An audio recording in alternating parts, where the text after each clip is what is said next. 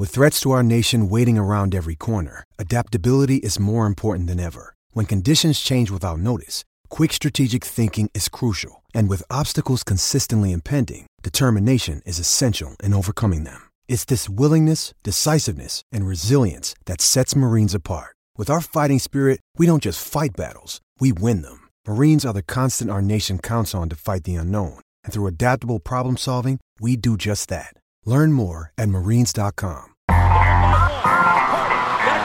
James. Dennis corner for Dirk. Five seconds. Dirk for three. A zaj, nincs egyszer a végén, ha battog a spalding Minden nap élmény, blokkok és zsákok Na gyere megmutatom, ez NBA szerelem Keleten, nyugaton, robban a zaj Nincs egyszer a végén, ha battog a spalding Minden nap élmény, blokkok és zsákok Na gyere megmutatom, ez NBA szerelem Keleten, nyugaton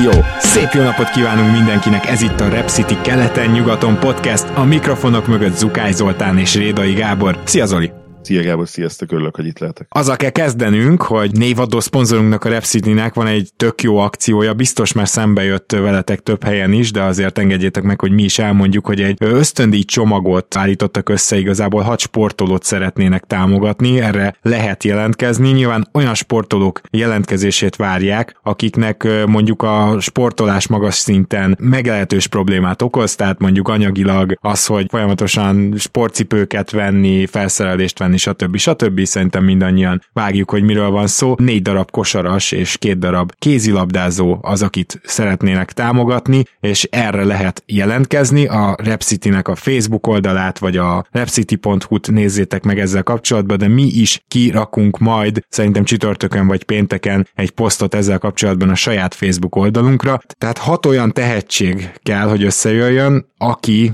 ők tudnának támogatni, és aki ezt egy pályázattal elnyeri, egyébként fejenként 250 ezer forintról van szó, és hát ez az is kell, hogy tanulmányi eredmény, illetve a szorgalma kiváló legyen az illetőnek. Itt azért akkor látszik, hogy ugye elsősorban még iskolába járó sportolókról beszélgetünk, ha az ország valamely csapatában aktívan sportol. Tehát olyan csapatsportolót keresünk, aki suliba jár, jól tanul, és erre az ösztöndíjra szeretne pályázni. Biztos, hogy most van itt 3000 hallgató, abból biztos, hogy van valakinek ilyen ismerőse, mindenképpen hívjátok rá fel a figyelmét. És akkor áttérnénk a mai adásunkra, ami már beígértünk azt hiszem másfél hete, és az előző hétre tartogattuk volna, aztán rájöttünk, hogy sokkal jobb, hogyha ezt ezen a héten tesszük meg, mert hogy volt azóta egy sorsolás, de mindenről bővebben hallhattok, hiszen most jön a March Madness felvezető adásunk, és két szokásos vendégünket konferálhatom be, akik egyébként a Van and podcastben ugye foglalkoznak is az NCAA küzdelmeivel, úgyhogy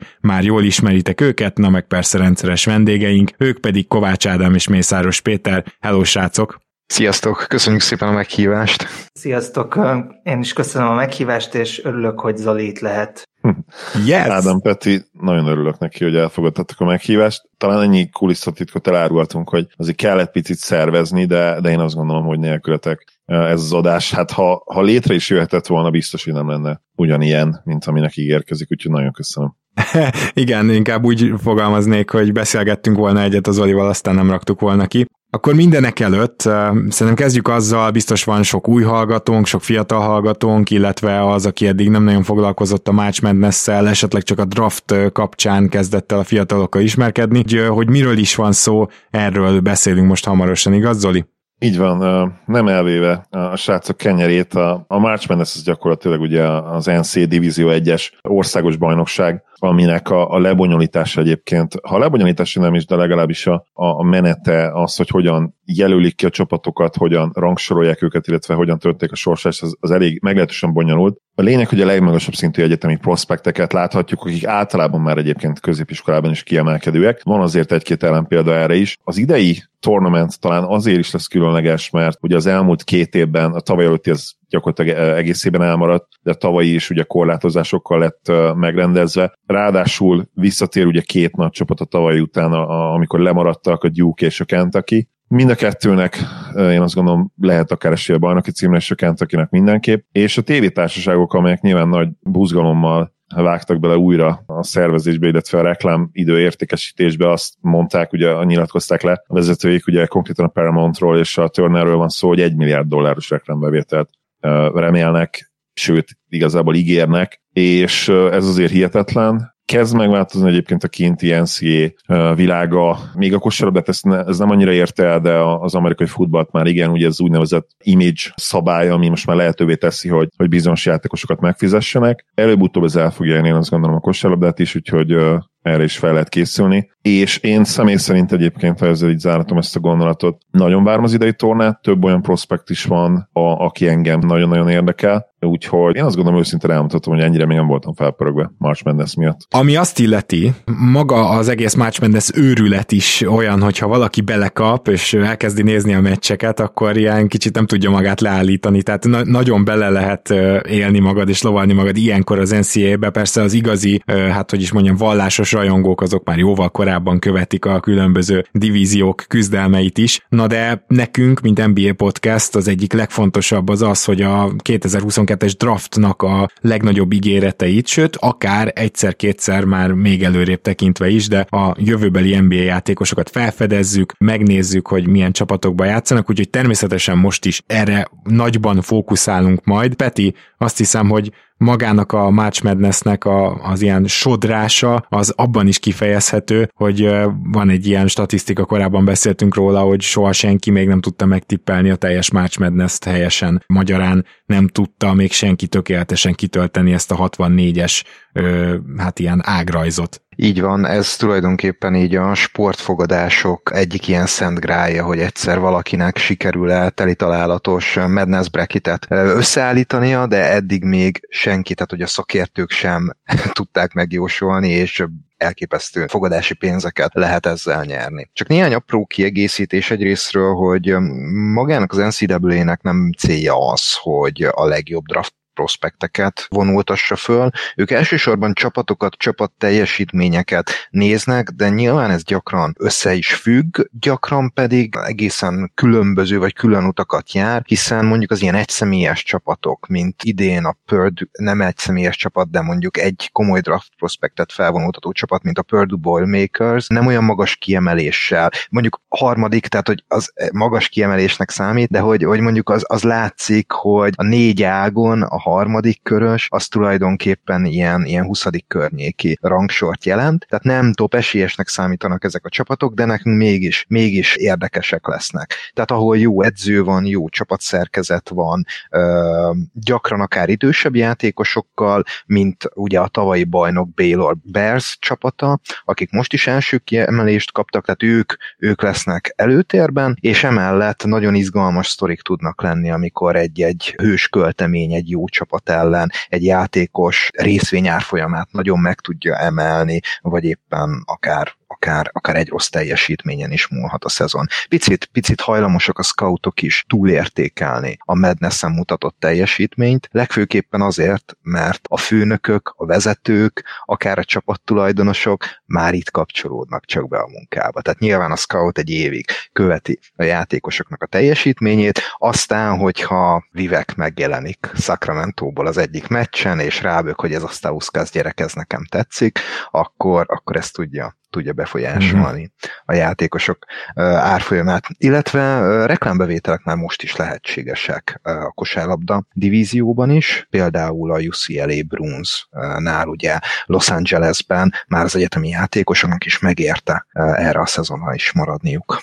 Na, ez viszont ugye azért mégiscsak egy haladás, vagy egy folyamatnak a része. Ádám, te esetleg egy rövid felvezetővel hogyha készültél. Készültem abszolút, én magát a lebonyolítást szeretném így röviden elmondani. Március elején közepén gyakorlatilag van egy olyan hét, amit Champ Weeknek hívnak kint az USA-ban. Ez azt jelenti, hogy minden konferencia, amiből összesen 32 van, lejátsza a maga kis rájátszását, és minden egyes konferencia győztes csapat kap egy autóbidet, ami azt jelenti, hogy automatikusan részt vehetnek a March Madness-en, tehát automatikusan bekerülnek ebbe a 68-as tornába, és ilyenkor szoktak bizony meglepetések lenni, szokott olyan sztori előfordulni, hogy mondjuk egy saját konferenciában hetedik vagy nyolcadik kiemelt csapat megnyeri a tornáját, és ezáltal kap egy ilyen automatikus belépőt a March Madness-re, és ezáltal elvesz nála jobb csapatoktól esélyt arra, hogy ők kerüljenek be. Ezt bubble-nek hívják, az ilyen billegő csapatokat, amik mérleg alapján vagy bekerülnek, vagy nem. És ilyenkor szokták kint mondani, hogy, hogy süllyed ez a bubble,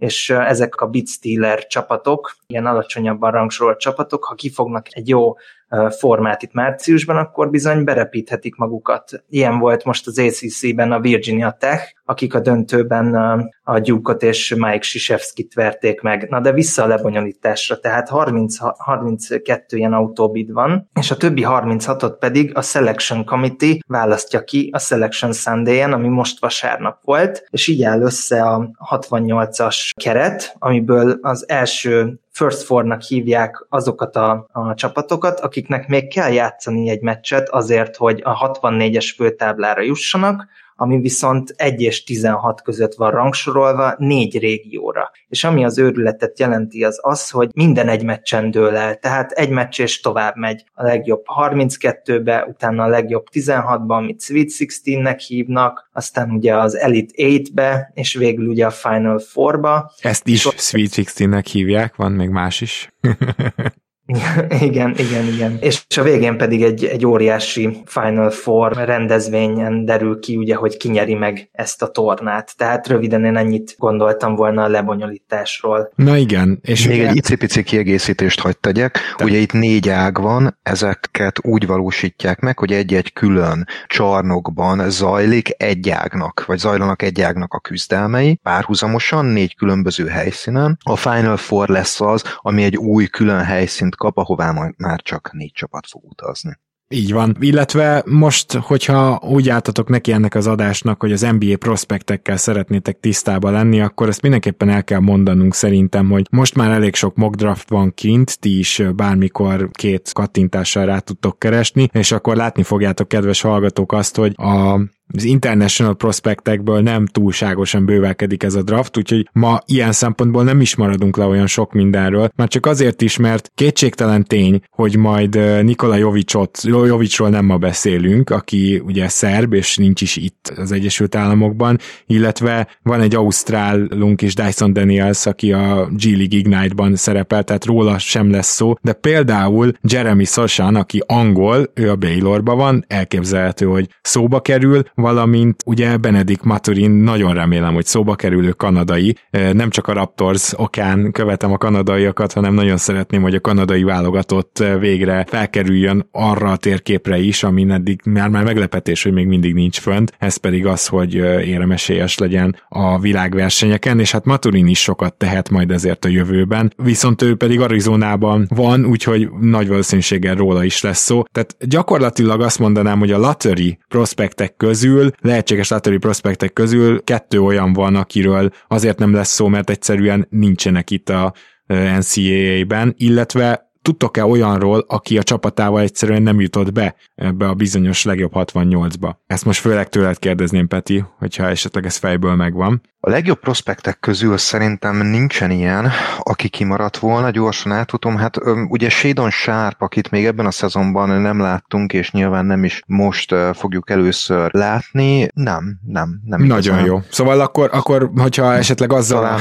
azzal a szándékkal ültetek le most podcastet hallgatni, hogy na akkor most elkezdjük egy kicsit feldolgozni a lehetséges NBA prospekteket, akkor ma nagyon sokról lesz szó. Hát Shadon Sharpról biztosan fogunk beszélni, annak ellenére ugye, hogy azt tudjuk, hogy idén nem fog játszani játszani a kentucky és hát lehet, hogy jövőre se fog játszani a kentucky majd ezt elmondjuk, hogy miért, és én azt gondolom, hogy szóba fog kerülni, független attól, hogy, hogy tényleg a pályán most nem fogjuk még látni. Akkor viszont én azt javaslom, hogy egy top 10 körüli ö, listát dobjunk össze a March Madness-en látható játékosokról, rangsoroljuk őket. Ha esetleg van olyan játékos, aki még, vagy már nem NBA játékos, mégis ide raknátok, azt is természetesen szívesen fogadjuk. Ezt most Peti neked mondom, illetve Ádám neked talán Peti szólalt meg úgy régebben, hogy, hogy egy teljes blogba, úgyhogy akkor Peti, van-e valami biztos top 3-at például, mert ugye elég sokan mondják azt, hogy van egy top 3, top 4, ami mozdíthatatlan, aztán mondjuk a legújabb draftok szerint, vagy mock draftok szerint ez nem feltétlenül van így. De hogy alakul nálad az eleje?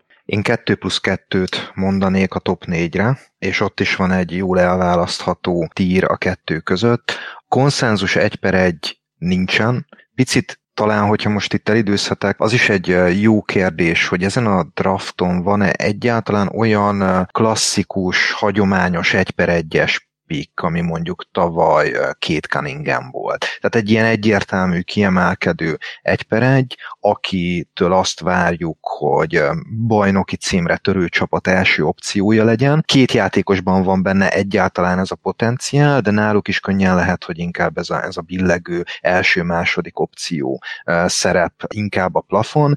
Az egyikük Chet Holmgren, a Gonzagának az újonc hát nevezzük centernek, ezt a poszt ezt szerintem majd érdekes lesz, hogyha, hogyha kicsit belemegyünk. Ő hét láb magas, elképesztően vékony, most a tankatonon nézem, ott 195 fontnak számolják, de szerintem ez, ez felfelé túloz. És a másik... akkor, hogyha valaki esetleg nem vágná ezt így, akkor elmondhatjuk azt, hogy a legtöbb NBA 1-es, 2-es poszton játszó játékos is nehezebb ennél. Hát igen, igen. Tehát körülbelül akihez szokták hasonlítani, amikor, amikor Kevin Durant megérkezett a, a ligába, ő volt hasonló felépítésű, de nekem szemre az ő vékonysága az egészségesebbnek tűnt, mint Chet Holmgrené, tehát ez a nagyon-nagyon-nagyon sovány, piszkafa lábú, hát centerposztos játékosra kell gondolnunk, az arca is nagyon megnyúlt, tehát hogy ő, ő valóban egy picit ilyen egészségtelenül tűnik soványnak. A másik játékos pedig Jabari Smith, őt négyes posztra soroljuk, 6 láb 10 magas, a súlya rendben van, ő is freshman játékos, ráadásul egy kifejezetten fiatal első éves, a draft körül fogja betölteni a 19. életévét, ő az Auburn Tigersnek a játékosa, egy modern, nagyon magas wingről beszélhetünk, és ezen a poszton ilyen típusú játékosok mindig nagyon értékesek. A másik kettő, de lehet, hogy ott át is passzolom a szót Ádámnak, hogy beszéljünk így kicsit felváltva. Hmm, Ádám, te egyetértesz azzal, hogy ez a kettő az, akiben megvan egyáltalán a potenciál arra, hogy, hogy beszélgessünk ilyen első, igazi első opcióról az NBA-ben? Nálam kicsit máshogy van a tír, de de amúgy kicsit hasonlóan is. Én három és felesre veszem azt, akik, akik talán elmehetnek első pikként. Nálam is itt van Jabari Smith és Chet Holmgren, viszont én még Paulo Banquero-t is abszolút ebbe a tírbe helyezném el illetve nálam még a már említett Purdue Boilermakersből Jaden Ivey is, is ebbe a tírbe tartozhat, hogyha, hogyha jól jön ki a Madness. Ugye kértétek azt, hogy, hogy hozzunk ilyen kompokat a játékosoknak, én, én Jabari Smithnél most itt lehet, hogy sokan kicsit fel fognak hördülni, de én, én nyomokban látok Kevin Durantet. Én is abszolút őt hoztam, csak nyilván hozzátéve, hogy az a shotmaking talán nem reális, de hát az kinél az. Viszont, viszont nagyon-nagyon biztató az, hogy, hogy mozgásból, ahogy milyen könnyedséggel felemelkedik dobni a tempódobásait, és, és tényleg ez a off the dribble triplája is, is már sokszor biztató, a dobó mozdulata az gyönyörű, és amit érdemes elmondani, hogy ő, ő több mint egy évvel fiatalabb egyébként, mint Chad Holmgren. Egy nagyon fiatal, még nincs 19 éves Jabari Smith, és én benne nagyon bízom. Én Holmgrenre nem nagyon tudok kompot, de Bankéróra is tudok, ugye, aki a Duke-nak a 4-es, 5-ös, szerintem inkább ő 4-es lesz, de a 6-10 magas 250 font, tehát neki a teste is már megvan. Ő pedig engem Carmelo Antonira emlékeztet a, a támadó oldalon, és hogyha itt most fiatalabb nézőhallgatóitok is vannak, a fénykorában lévő Carmelo nagyon tudott pusztítani a, a midrange-ből, és, és én Bankeronál is ezt látom, hogy hogyha megkapja ilyen mid postban, akkor ő ebből a, az úgynevezett triple threadből elég szépen meg tud indulni, és, és neki is ez az egy-két leütés és, és arcból ez a középtávoli, ez, ez nagyon biztató, szóval nálam így alakul ez az eleje, ilyen három és fél igen, csak három. nehogy Rui, Rui Hachimura legyen belőle, mert kicsit, kicsit olyan vibe is van vele kapcsolatban. Ugye persze Hachimurát is hasonlították annó Carmelo Anthonyhoz, de értjük a játékos típusát nagyjából, akkor Igen. ezzel be is lőttük. És ki akkor nálad a negyedik jelölt, aki három és Jaden, feledik? Jaden Ivy, Jaden Ivy a, a Purdue-ból, őt egy ilyen kombogárnak mondanám, itt is most lehet, hogy egy kicsit túlzó lesz a hasonlítás, de engem kifejezetten Jam, a, a fiatal egyetemista Jamorantra emlékeztet, ahogy ő, ő, ő befutja a transition játékot, tehát elképesztő fizikai adottságokkal megáldott. Kifejezetten gyors, ilyen egyes-kettes kombogárról van szó, akinek nagyon sokat fejlődött idén a triplázása, és az, ahogy olvassa a játékot, bár egy kicsit őt nem hiszem, hogy top 1 lesz, de akár hogyha a Purdue Final Four-ba jut, vagy, vagy megnyerik, akkor, akkor lehet, hogy, lehet, hogy valaki azt mondja, hogy egy ilyen, egy ilyen Ivy nem jönne rosszul. Uh-huh. Na akkor mielőtt Peti reagálna, lehet, hogy nála is a második tír, hármas, négyese, ugyanez a két játékos, de Zoli, nálad is nagyjából ez a top négy? Nagyjából igen. Először válaszol a Peti kérdés, hogy van-e ugye egyértelműen egy per egyes. Én azt gondolom, hogy jelen pillanatban nincs Viszont van nálam is három-négy olyan játékos, inkább négy egyébként, akiből lehet legit úgymond egy per egyes prospekt, illetve nyilván extrapolálva, amit várunk egy egy per egyestől. És nálam Jaden Ivey a második Chet Holmgren mögött. Holmgremmel kapcsolatban igazából annyi a probléma, hogy tényleg borzasztóan vékony. Tehát ha akár csak 4-5 kiló izommal több lenne rajta, szerintem ő egyértelműen egy per egy lenne, mert egyébként amit csinál eddig idén a Gonzagában, az, az egészen domináns, nem labdaigényes egyáltalán, és mind a, mind a két oldalon dominál.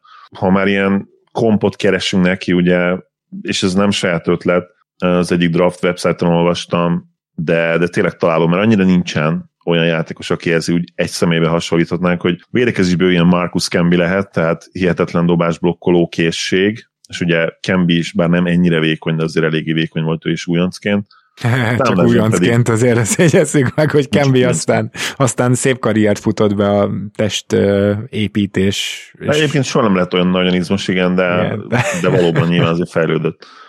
Igen. Támadásban meg nem, nem Dörk a játéka, tehát egyébként nem hasonlít, mert ugye Dörknek nem volt egyszerűen meg az a face játéka, ami Holgramnek megvolt, illetve visszafele is az a, az a midrange és az a hátra gyűrűnek post játék sem volt meg sincs meg ugye Holgramnek, de mégis azért, mert ugye 7 láb, 7 láb egy környéki, hihetetlen jó keze van, és nagyon jól mozog a méreteihez képest, és nem kell uh, ilyen átugrom a, a védőt típusú játékosnak lenni, hanem borzasztó koordinált, úgyhogy ezért nekem ilyen Dirk Light támadásban. Amellett, hogy mondom, teljesen más lesz a játékstílusuk, mert uh, Holmgren inkább egy ilyen face-up playmaker lesz, és ebből a szempontból szerintem sokkal inkább fog a kezdeti játék a Duranthoz hasonlítani, mint Dörkéhez. Ha Le, nem lehet, bocs, bocs, bocs, nem tudom, hogy mennyire elvetem őt a hasonlat, de lehet, hogy nála most majd megnézzük, hogy mi lenne, hogyha bolból hajlandó lenne dolgozni és kosarazni. Egyébként nem olyan rossz, tehát testfelépítésre, bár mondjuk bolból nyilván még nála is Igen. sokkal nagyobb. Jaden Ivey azért második nálam, mert jó értelembe vett kombogárd, 6-4, ugye 193 lehetne picit nagyobb, de, de nagyon jó wingspanje van, 6-9-6-10 körüli. Nagyon-nagyon jó atléta, nagyon jó egyensúlyal, irányváltásokban, lassításokban is extra, ami ugye számomra nagyon fontos, és a mai NBA-ben tényleg kulcskérdés lehet egy fiatalnál. Jó védő, csak a Jamarant Igen. hasonlat miatt akartam ezt bemondani, hogy azért Jamarant viszont sosem volt ennyire jó védő, lehet, hogy még most sem az. Abszolút. Hát ezzel vitatkoznék, szerintem nem valami jó védő. Oh. De... Szerintem egyébként fejlődött, tehát uh, nyilván támadójátékban uh, extra erős, de, de egyébként ami a, ugye a döntéshozatalát illeti, meg, uh, meg egyáltalán a, az akaratot, hogy, hogy védekezzen abban, azért szerintem sokat lépett előre. Amit ugye vele kapcsolatban, és ebben gyakorlatilag mindenki egyetért, hogy, hogy megvan benne ez a rommá csépelt, túlcsépelt it faktor, ez, ez a különleges valami, és én ezért is látom benne egyébként azt a hihetetlen upside-ot. Ez azt nem, jelenti, meg, Zoli, bocsánat, hogy... meg még helyén van a, a szíve is, mert szerintem az Ohio State-nél már nagyon várják, hogy ő kijöjjön a draftra, mert tavaly is dobott ellenük egy meccsnyerő buzzer beater és idén is. Na hát Jaden Ivey akkor az Ohio, Ohio, Ohio State nagy kedvence lehet, de mondtad is, hogy a purdue igazából kicsit ő viszi a hátán. Viszont Zoli, engem nagyon érdekel, hogy te Jabari Smith-t ezek szerint nem sorolnád be a top 2-be, top hogy ez miért van. Nem. Igen, egyszerűen Ivy upside picit magasabbra értékelem, de ennyi. Ugye Smith, Smith Junior jobb játékos jelenleg, ez számomra nem kérdés, és neki is azért elég komoly upside van. Ezért is mondtam, hogy igazából én három-négy játékosból kinézem azt, hogy benne legyen ez az egy per egy potenciál, mert most tényleg nem egyértelmű még egyiküknél sem. Uh-huh. Szerintem akkor... egyébként Holmgrennél az lenne, de ugye, ahogy mondtam, a, a testével kapcsolatos kérdőjelek. Az is tetszik nyilván Smithnél, hogy, hogy egy NBA játékosnak a fia, az szerintem nagyon komoly előny a ligában, meg tudja osztani az apja vele azokat a kis belsős infókat, amik, amik tényleg ahhoz kellene, hogy valakinek nagyon jó karrierje legyen. Ő már úgymond megjárta előtte ezt az utat, és teljesen sokoldalú összetett támadójátéka van, ugye 40% felett dobja triplát, az SEC-be gyakorlatilag ugye nem csak ebből a szempontból, de lepattanózásban és a blokkok terén is nagyon jó, annak ellenére ugye 30 perc alatt játszik, és tényleg a Tigers, ami ráadásul egy contender egyik legjobb játékosa, és az a fejlődés, amit ő bemutatott, mint shooter, és még akár mint kreáló, passzoló, én azt mondanám, hogy, hogy azért az elég komoly upside-ot sejtett, úgyhogy, úgyhogy őt is nagyjából ide venném. És nálam a negyedik helyezett, aki egy teljes enigma, és van, ahol 8., 9., 10. hely környéken írják be, ugye nem is biztos egyáltalán, hogy ki fog jönni a drafton, és bár nem játszik, ugye tudjuk ezen a tornán, de mégis ide venném, mert keretben van, és úgymond az NCA része idén is, az, az, idén is, az pedig Shadon Sharp, aki a másik kanadai Gábor, akitől izgalomba jöhetsz majd, mert hihetetlen upside van. Na igen. Ugye tavaly két Cunninghamnél említettük ugye a Brandon Roy hasonlatot, akkor ez Shadon Sharpnál is abszolút uh, illik, és uh, tényleg üstökös karriert futott be eddig, ugye egy unranked középiskolai játékosból gyakorlatilag pár hónap alatt egyes listákon első számú, uh, de kb. mindenhol több hatos, top hatos középiskolás prospekt, prospekté vált, és ugye mehetett volna Kansasbe, de a Kentucky-t választotta, Érdekes ugye az útja, mert januártól iratkozott be, ami azt jelenti, hogy gyakorlatilag ilyen önkéntes redshirt szezonja van. Ugye mit jelent a redshirt? Azt, hogy nem játszol más csapatok ellen, csak és kizárólag ugye ezzel a csapattal. Szerintem hihetetlen potenciál van benne, elit méret, nagyon-nagyon jó atléta, szerintem Wiggins óta nem volt ilyen perimeter prospektjük a kanadaiaknak. Az igazság, hogy, hogy engem az se aggasztana, hogy nem, ha nem játszik ugye egyáltalán NCAA egyetemi meccset, hanem kijön ugye ezen a nyáron, amit megtehet, James Wiseman három meccs után draftolták le, ugye, de voltak itt olyan sztorik, mint még Tom Maker, aki egy borzasztó gyenge középiskolában játszott, vagy, vagy ugye Moody, aki meg Kínába játszott fél tucat meccset, úgyhogy én, én biztos, hogy elvinném őt a negyedik, ötödik helyen, hogyha, hogyha kijön a draftra, nem érdekelne, hogy, hogy nem láttam játszani az egyetemi szinten. Mondjuk, hogy végigmondtad ezt a sort, ebből nagyjából senki nem jött be, tehát mondjuk Mitch Robinson talán egy jó példa arra, aki viszont, akit alig láttunk, de bejött, és hát nyilván Wisemanbe még bízunk de, de igen, szóval igen, azért... ugye azt mondtam, hogy a, tehát ugye a draft, nyilván persze a draft tudjuk, hogy azért valahol egy ilyen lutri meg lottó, de én csak azt, mond, azt akartam ezzel mondani, hogy, hogy ez nem lesz szempont. Hanem ha valaki úgy gondolja, hogy benne komoly potenciál, már pedig úgy fogja gondolni, akkor valaki el fogja vinni szerintem a top 5-ben, hogyha kijön. Akkor te például Bankérónál jobban aggódsz azon, hogy inkább egy Rui Hachimura lesz, mint sem egy Carmelo Anthony, hogy maradjunk Az bajom Bankéróval, én nagyon nagyon nagy kedvencem még mindig egyébként, és, és nagyon-nagyon sok meccsét néztem idén, meg ugye az összes összefoglaló gyakorlatilag. A szezon előtt úgy indultam neki, hogy Holmgren Bankéro 1-2, modern, magas emberek ide nekem az összeset. Bankéro sajnos nem az a shooter, mint amire számítottam, és nem is az a büntetőző, tehát ott is azért jelzi, hogy, hogy mint shooter azért problémák vannak, és a kosárlabda iq se olyan, tehát én sokkal többet vártam tőle a labdakezelésben, szervezésben. Kikomp, ugye Bankerónak ilyen Sean Camp, vagy, vagy LeBron jutott eszembe, hogyha LeBronnak egy balesetben eltölt volna mindkét lába, és abból még valahogy visszajön körülbelül ide. De mondjuk ez se jó egyébként, mert sok, LeBron nyilván sokkal okosabb volt, szóval nehéz Bankerónak is egy talán Sean Camp, mert Camp nem volt olyan nagyon okos kosárlabda játékos. Hmm, én, én nekem a Hachimura vonal jobban tetszik, de, de ne, ezzel nem veszünk össze, viszont a Hachimura akkor... egyáltalán nem banger tudott, tehát tőlem jump shooter. Bankero meg azért benne van az állat. Tehát Igen, ez igaz, meg, meg a pattanók bőven benne lesznek. Viszont akkor, mm, hát nem tudom, hogy Sharpra akartok-e esetleg reagálni, Peti Ádám, de ha igen, akkor nyugodtan, ha nem, akkor azt javaslom, hogy kicsit görgessük tovább a dolgot. Ez a top 4, vagy top 4 és fél, akkor így Sharpal. Oké, okay, ez rendben van, és, és nem tudjuk, hogy Sharp egyáltalán kijön a draftra, ugye Zoli részletezte a körülményeit, és akkor Peti, légy szíves, te kezdj, illetve hogyha van még bármi, ami elhangzott, és reagálnál rá, akkor hajrá. Hú, nagyon sok mindenre szeretnék reagálni. Először is ez a nincs konszenzus egy per egy a drafton. Ezt én elsősorban úgy értettem, mint mondjuk amikor a 2020-as draftra gondoltunk, hogy ott volt Lemelóból meg Anthony Edwards, akikről azt mondtuk, hogy jó-jó kijöhet belőlük a sztár, és egyébként szerintem nagyon jó dolgokat mutatnak az NBA-ben. Tehát nem tűnik annyira gyengének most az a top három, hogy Weizmannben még nyilván bízunk, viszont a draft előtt azért mindenki úgy gondolta, hogy ezek nem azok az egy per egyek, akik, akik egyértelmű és konszenzus és, és megváltást vársz tőle. Tehát ebből a szempontból igazi csúcs talent ezen a drafton nem biztos, hogy van. Persze, vannak olyan játékosok, akiket nyugodt szívvel ki lehet választani egy per egyként, de ők nem a, nem a LeBron, két Cunningham, vagy a következő drafton, ugye Viktor Wembanyama lesz pont ugyanilyen, akiről mind, már most mindenki tudja, hogy egy per egy lesz, csak az a kérdés, hogy ki nyeri meg a lottót érte. Szóval ilyenek nincsenek, nagyon jó és nagyon izgalmas játékosok vannak. Chet Holmgrenre én nagyon sokat gondolkodtam kompon, és hát annyira egyedi testfelépítése van, hogy nem látunk még ilyet. Tehát egyáltalán nem láttunk még ilyet játékost az NBA-ben, olyan játékkészséggel, amit ő tud. Én azon próbáltam meg elgondolkodni, hogy a mostani NBA-ben ki lehet olyan játékos, akinek a test alkat, a testfelépítése még elérhető távolságban van, és a játéka sincs nagyon messze.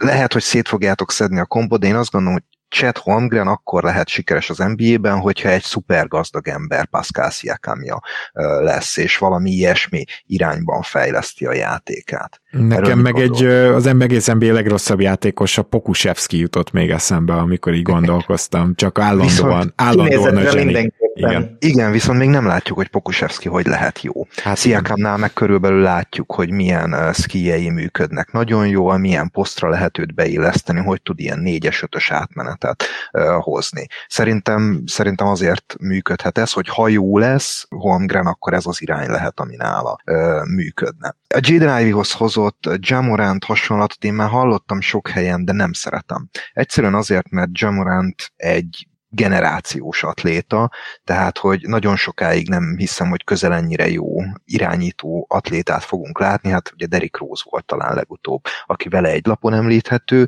Jane Ivy azért ezt nem tudja, és amit még nem tud, az az irányítókészségek, tehát neki nincs meg az a passzjátéka, ezért is mondhatta rá Ádám egyből, hogy inkább kombógárd, mint sem irányító. Úgyhogy nála az lesz a kérdés, hogy kombógárdként lesz-e elég jó ahhoz, hogy first ball handler legyen, és tényleges irányítót tudjon játszani. Ez Szerintem egyébként a Purdue-ban megtörténik? Nem, szerintem a Purdue-ban csak irányító mellett játszott. Aha, na, igen. Akkor ez valóban szerintem kérdéses. játszott egy kicsit irányítót is, de hogy, ahogy Peti mondja, inkább kettest. De amúgy én szerintem az esze az meg lenne ahhoz, hogy, hmm.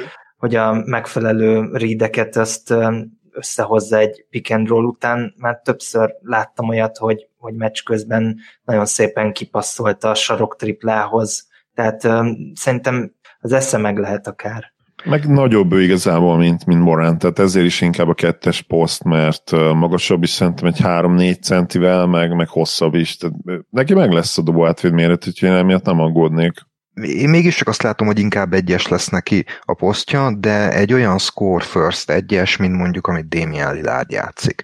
Tehát, hogy nem, nem, nem a klasszikus playmaker, még az asszitokat is össze fogja hozni, de Moránt nekem egy picit más, más kategória. És éppen ezért a speciális skillset miatt gondolom azt, hogy az az upside, ami Morantban benne van, szerintem, szerintem nála nincs meg. Egy modern Dwayne Wade ugye mindig az ilyen kombógár dobó hátvédeknél előhozzák. Nálam az elmúlt években még nála tetszik legjobban ez a hasonlat. Szerintem Jalen Greenhez képest hol, hol, elég hasonló, nem? Méretre is, meg úgy nagyjából játéka is. És Greennél okosabb játékos szerintem. Ja, igen, tehát előbb lát, tehát Greennél nem látom, hogy irányító lesz. Mondjuk azt, hogy Green jobb, jobb scorer lesz. Igen. Uh-huh, és a súlya sincs meg hozzá. Ugye Green egy nagyon, e, tehát egy erősebb felépítésű játékos. És szerintem Green jobb atléta is nála. Úgyhogy én azt gondolom, hogy Ivy irányító lesz ebben a ligában, de sosem úgy és olyan csapatmozgató játékos, mint, mint Jamorant. Tehát, hogy az, az a tér szerintem neki elérhetetlen. És én Jabari Smith-t egyértelműen elérakom. Ugye Durantet hoztátok, én, én meg Jason Tatumot látom nagyon a játékában. Tehát, hogy ő igaz, hogy 6-10 magas, de szerintem előbb fog hármost játszani, mint ötöst. Aha. Mert annyira, annyira periméter orientált hát ő egyértelműen Big Wing kategóriába mm-hmm. gondolkozzunk, és nem ilyen Holmgramnél ugye inkább center, mert jobb ilyen nem tudod hova rakni. Bankéró meg, ez is nagyon érdekes, hogy Bankéró négyes, de ő hogy négyes? Wingő, vagy nem wing? Tehát okay Előbb rakod hármasba, vagy előbb rakod ötösbe? Mert szerintem előbb rakod vagy ötösbe. Én Smithnél érzek ilyen kis JJJ vibe-ot is szerintem. Hozzá is eléggé hasonlít, én azt gondolom. Hát én meglepődnék, hogyha az idei JJJ védekezést azt Jabari Smith tudná Jó, nyilván ilyenkor már azért csalunk meg, tehát most ez is, hogy Morant upside nem látjuk benne, ez Jó, nyilván segít az, hogy Morant most mit csinál, meg JJJ mit csinál igen. a védő oldalon. Jabari én azt gondolom, hogy jó, jó játékos, mármint ugye úgy értem, hogy védekezésben is jó játékos. Igen, korrekt lesz. Egyébként, hogyha, hogyha lesz belőle egy Rusher Lewis, akkor is szerintem semmi probléma nincs vele. Tehát a nagyon magas padlóról indul, én azt gondolom, ez a, ez a Rusher Lewis neki szerintem a padló. És akkor Peti, neked Bankéróhoz vagy Sharphoz még bármi igen, én Bankérót szeretném megvédeni. Ő szerintem egy nagyon stabil és jó NBA játékos lesz, négyes poszton, időnként ötösbe is be lehet majd rakni. Ez a Carmelo Anthony komp azért tetszik nagyon, mert ennyire jó midrange játékot, mint ami neki megvan, nagyon-nagyon ritkán látunk prospektekről, és ez tényleg Carmelót hozza Ó, bocs, most eszembe jutott a tavalyi Julius Randallhez mit szóltok? Épp ezt akartam mondani, hogy, hogy azt vártam, hogy, hogy ilyen Julius Randall-szerűen lesz jó, és ami miatt neki inkább a negyedik helyre esett a, a várt helye, az az, hogy azt a passzjátékot, amit tavaly Randallnél láttunk, azt nem mutatta, illetve azt a triplát sem mutatta. Tehát úgy tűnt, hogy abban a két dologban, ami ben fejlődést vártunk tőle azért, hogy egy per egy legyen, egyikben sem tudott igazi fejlődést mutatni, de én nem látom, hogy ő, ő ne tudna simán 20 pontot átlagolni egy közepes csapatban az NBA-ben, inkább az a kérdés nála, hogy hogyan lesz beilleszthető majd egy bajnok csapatba. És ezért, ezért írja a legtöbb mok már őt inkább a negyedik helyre. Shaden Sharpot még nem láttam top 4-ben. Tehát ez a Bankirunál meglévő szerintem elképesztően magas padló, ezt, ezt senki nem áldozná be azért, hogy, hogy Sharp upside próbálkozzon. Ötödik helyen már van rá esély. Oké, okay, akkor viszont most Ádám felét görgetem a szót, és nálad a következő csoport az hány tagú? Mert én már hallottam olyat is, hogy itt aztán öttől, illetve hát nyilván Sárp az kérdéses, hogy hova kerül, de általában ő is ebbe a csoportba, de hogy öttől akár 14-16-ig mehetnénk. Van olyan hát második tír, most fogalmazzunk így még, hogyha az első felét ketté is osztanánk, van olyan második vonal, aki nálad azért egyértelműen még előrébb van, és ide az ötödik, hatodik, hetedik, nyolcadik helyre várható, vagy ez már egy mindenképpen egy nagy csoport? Igazából ez, ez a tipikus olyan, mint hogyha egy, kapnék egy ügyvédi megrendelést, és akkor azt kérdezném, hogy hogy szeretnéd, hogy nagyobb csoportra osszam fel, vagy pedig úgy szeretnéd, hogy kisebb csoportokra, mert mindkettőt ugyanúgy meg lehet indokolni. Akkor én azt szeretném kérni ügyvéd úr, mert hogy egyébként tényleg konkrétan ügyvéd vagy, úgyhogy ez, ez, ez most így pontos is, hogy kisebb csoportra oszt fel. Ki lenne a következő szűk csoportod? Igen, akkor én, én azt tudom mondani, hogy nekem akkor még egy négyesem lenne, a már általad említett Benedict Maturin az Arizona ilyen kettes-hármas Bing játékosa nálam ebben a tírben a, a legelső, aztán a címvédő Baylor freshman játékosa Kendall Brown ilyen hármas-négyes játékosa nálam a, a második, akire egyébként azt a kompot um, hallottam egy, egy um, podcastben, és ez nagyon tetszett, Sean Marion, úgyhogy Gábor, neked Ó, külön a Mert őt nem is ismerem ajánlom. igazán, úgyhogy ez, ez nagyon felcsigázott most, tehát akkor Kendall Brown nevét megjegyzi Gábor, és minden Sean Marion rajongó is. Igen, hogy nagyon hatékony, nagyon jó védő, a dobása az kicsit szebb, mint Marioné, de ugyanolyan broken, mint a, az újonc vagy, vagy kezdeti Marioné volt, de én úgy emlékszem, hogy, hogy, hogy az jó öreg Matrixnak is azért a végére összeállt legalább a százalék, hanem is a látvány. Igen. Aztán nálam még Johnny Davis, a Wisconsin, azt hiszem, hogy másodéves játékosa, igen, sophomore játékosa, aki egy kettes poszton lévő, de brutálisan jól lepattanózó igazi első opciója volt. Ez, bocsánat, már rögtön Josh Hart jut eszembe, hogy így elmondtad, hogy kettes poszt extra lepattanózás, de hát nála igen. azért több lehet, nem? Uh, igen, mert ő, ő első opcióként képes azért uh, átvinni az akaratát, és uh, Igazából ugye mondtátok, hogy, hogy Ivy jó védő, hát ő a Purdue ellen tolt egy 37 pont, 14 lepattanós meccset. Oh. Úgyhogy a Wisconsinbe igazából csak rá kell figyelni, és úgy, hogy a Purdue-nek van a, a legjobb center párosa az egész NCAA-ben. Akkor Johnny Davis azt eléggé kimaxolta, és ki a negyedik játékosod ebben a csoportban?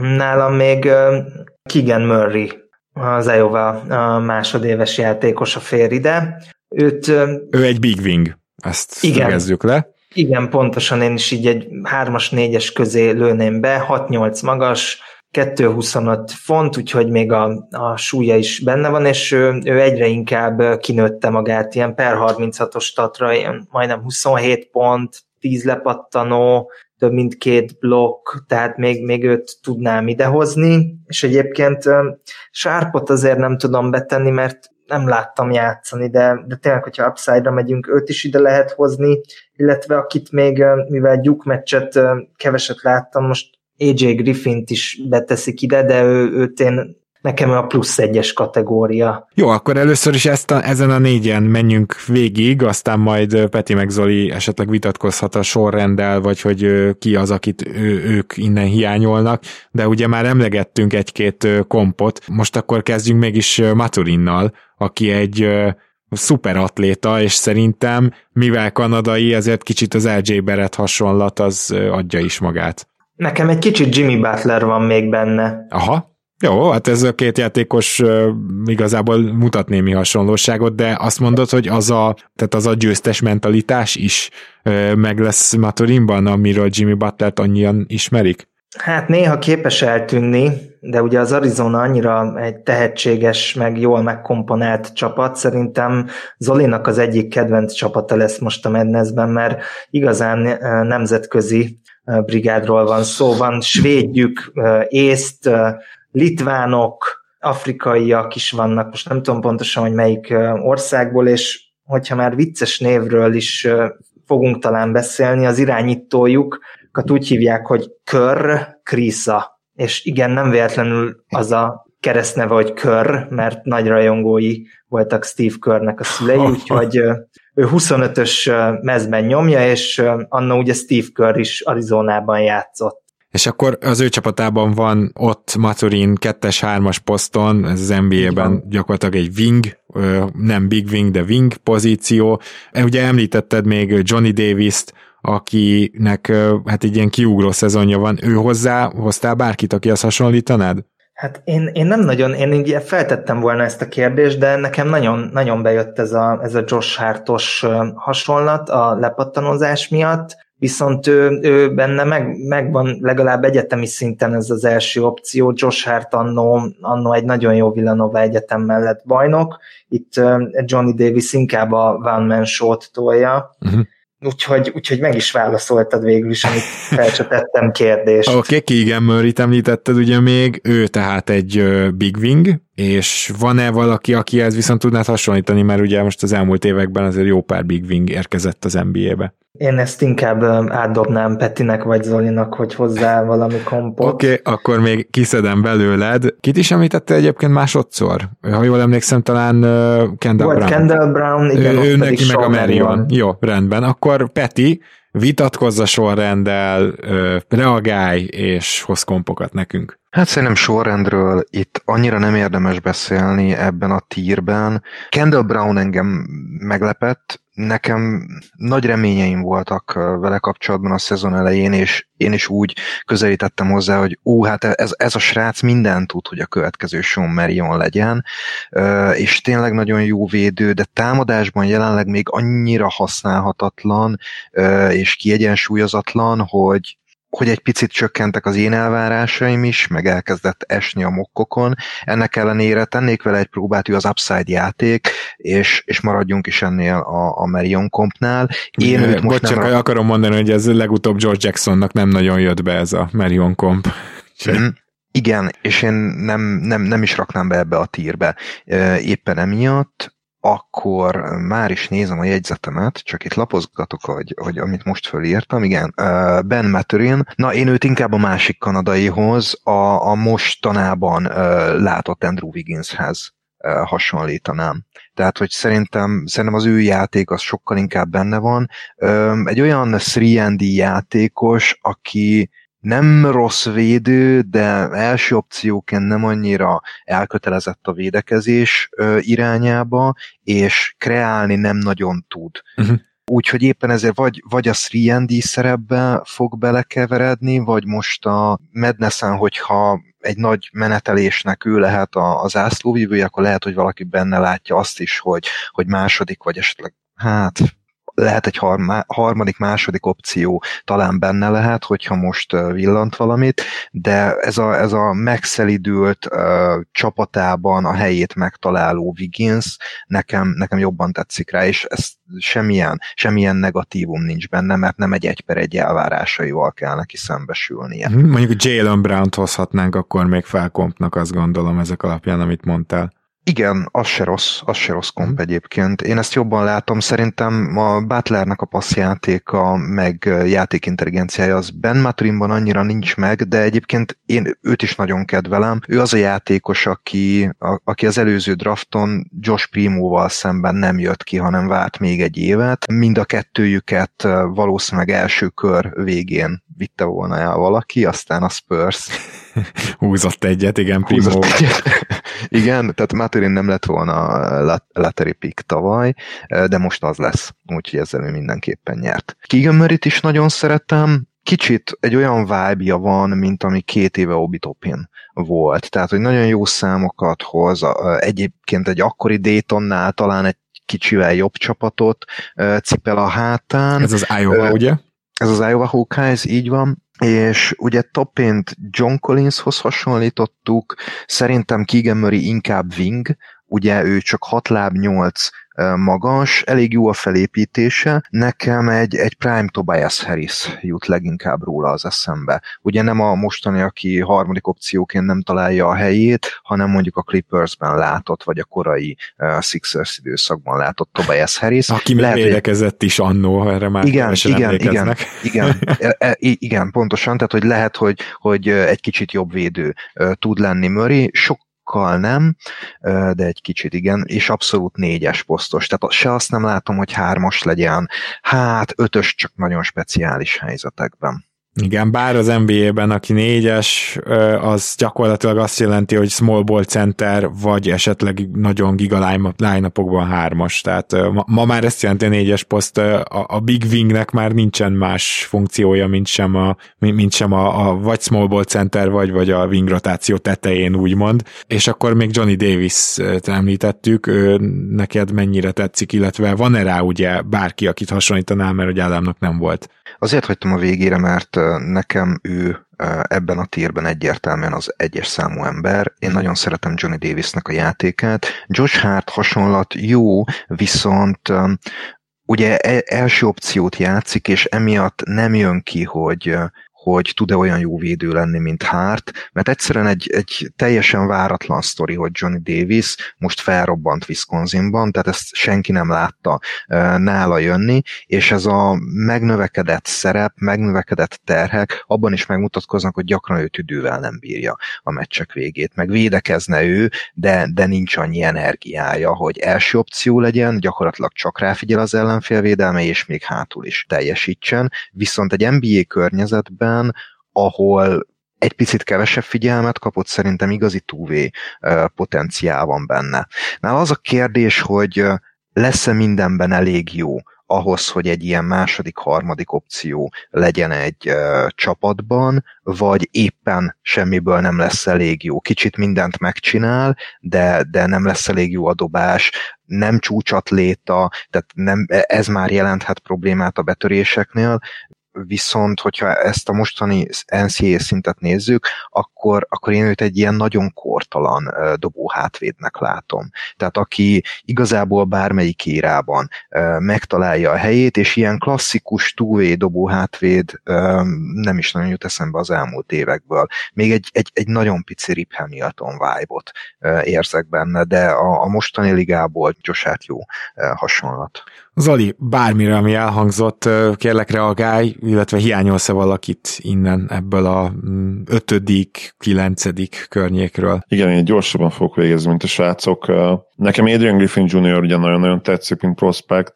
Én gondolkodtam is azon, hogy még feljebb rakjam őt a, akár a top 5 de ugye az a probléma vele, hogy nagyon-nagyon sérülékeny volt korábban, és, és hát emiatt ugye kérdője csak Bár emlékeztetőlő a dúkos, akit ilyen plusznak megemlített Ádám. Illetve beszéltünk erről az archetípusról, mint korábbi NBA játékos fia, azt hiszem az ő apja is NBA játékos volt. Így van. Úgyhogy ez nem előny.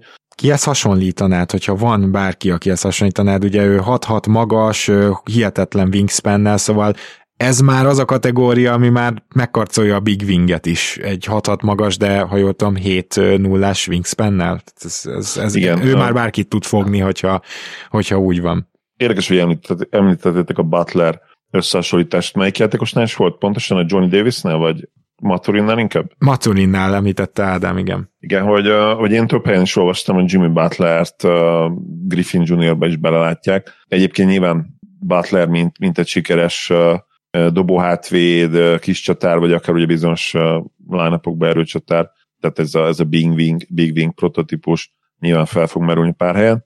A másik, még amit olvastam nála, és ez az tényleg nagyon rögtem, hogy Jordan Hamilton, de két plusz jellel. Tehát vannak ilyen összehasonlítások is, hogy választanak egy játékos, aki nem igazán jó, és akkor mögé raknak egy pluszt, és ugye itt, itt megy gyakorlatilag két pluszos, tehát két szint feletti Jordan Hamilton lehet Griffin, bármit is jelentsen ez, ugye nem tudjuk, hogy mit jelent. Tehát ő a hatodik nálam, Johnny Davis hetedik, őt a Spursbe egyébként szerintem annak ellenére, hogy van egy Rockadley, Rockadley játékosuk ugye az alsó posztokon, én őt nagyon megnézném, akár mint egy ugye Derek White helyettesítő, hát persze ugye tudjuk, hogy egy évig nem játszana úgy a csapatban, Igen. lenne ideje beilleszkedni.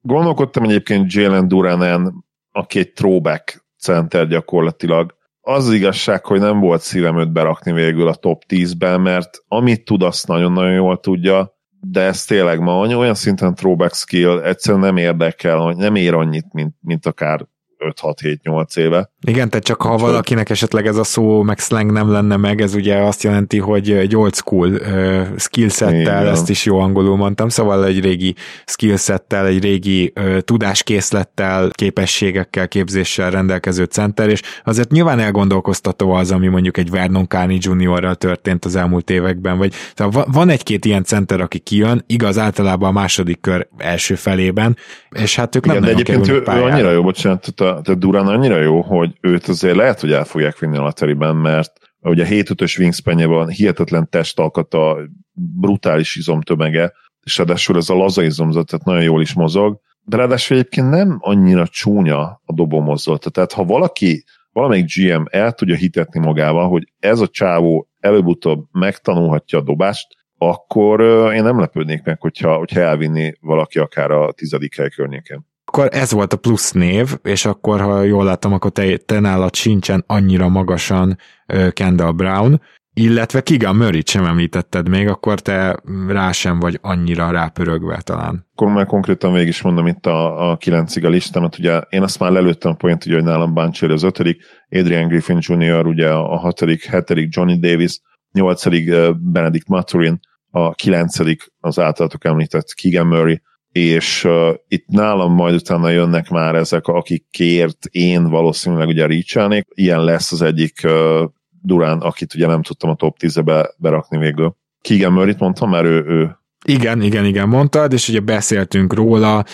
kicsit Obi Toppin merült például fel, de, de hát majd meglátjuk azért Egyébként Toppin egyelőre sokkal kevésbé biztató, mint a karrierja az egyetemen, és hát ez rengeteg ilyen nagyon fizikális, de elsősorban fizikalitásából megélő félmagas ember, négyes, nagyon big wing játékosnál, hát láttunk erre több példát, maradjunk annyiban. Viszont akkor Ádám, mit gondolsz például Duren említéséről, illetve hogy folytatnád ezt a listát? Most már nem megyünk sokáig, mert megbeszéltük, hogy kb. a top 10-ig megyünk, de hogyha a tíred, a következő tíred az kicsit kilóg, akkor őket még beszéljük át mindenképpen. Igen, nálam Jalen Duran, ugye, aki a, a Memphisnek a, a freshman centere, ő nálam a 13. helyen van most, de évelején ott őt top 5-be várták. Én olyan kompot láttam nála, hogy Dwight Howard, nyilván szegény ember Dwight Howardjáról van szó, ebből is az jön le, amit mondtatok, hogy ez a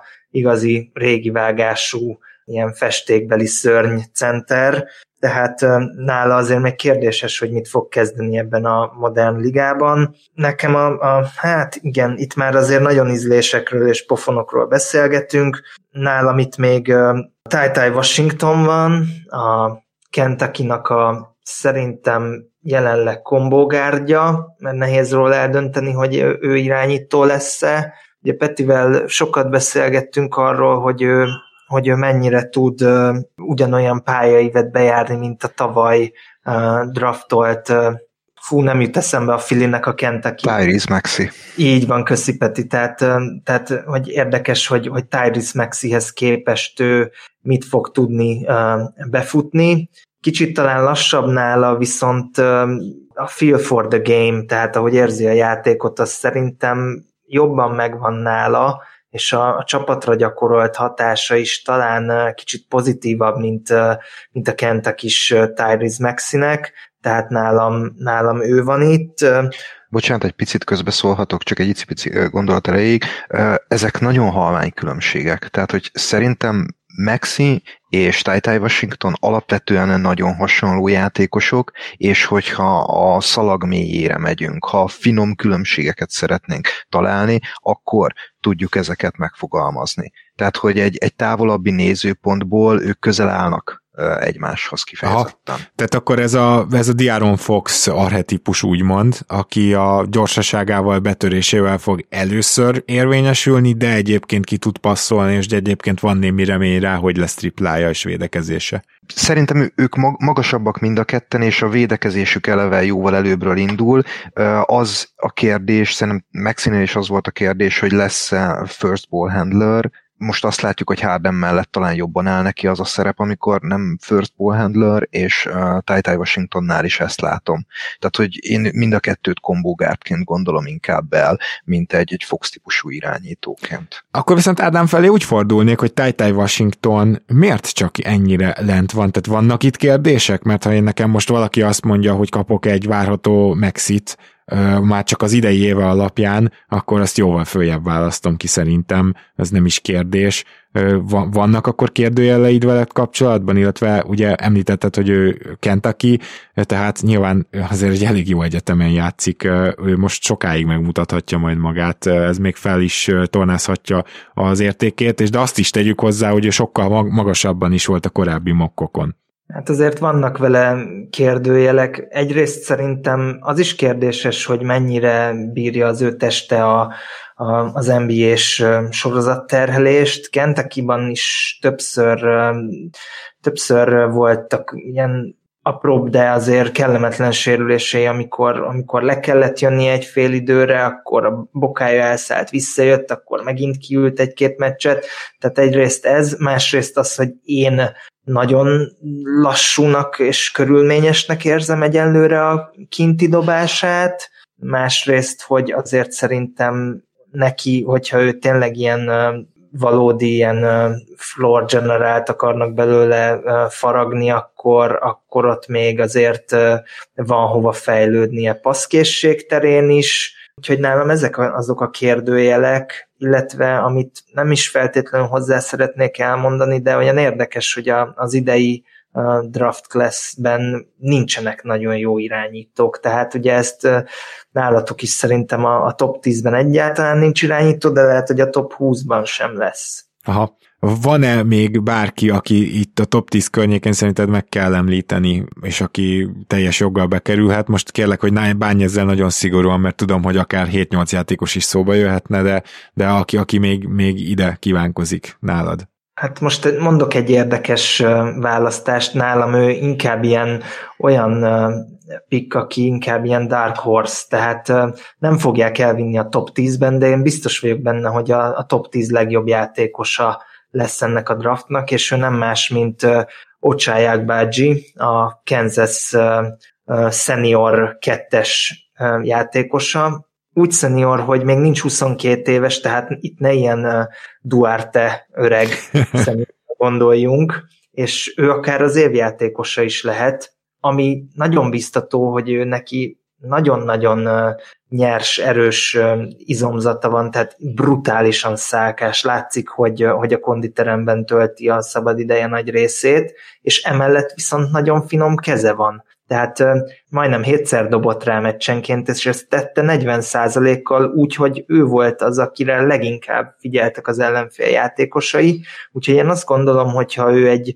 jó csapatban ilyen 16-tól mondjuk 25-ig így elmegy, akkor, akkor rá lehet számítani floor spacerként is, illetve nagyon jól használták ilyen backdoor van, ahol feladták neki, és hát a jó rugói miatt könnyen behúzta ezeket a helyzeteket.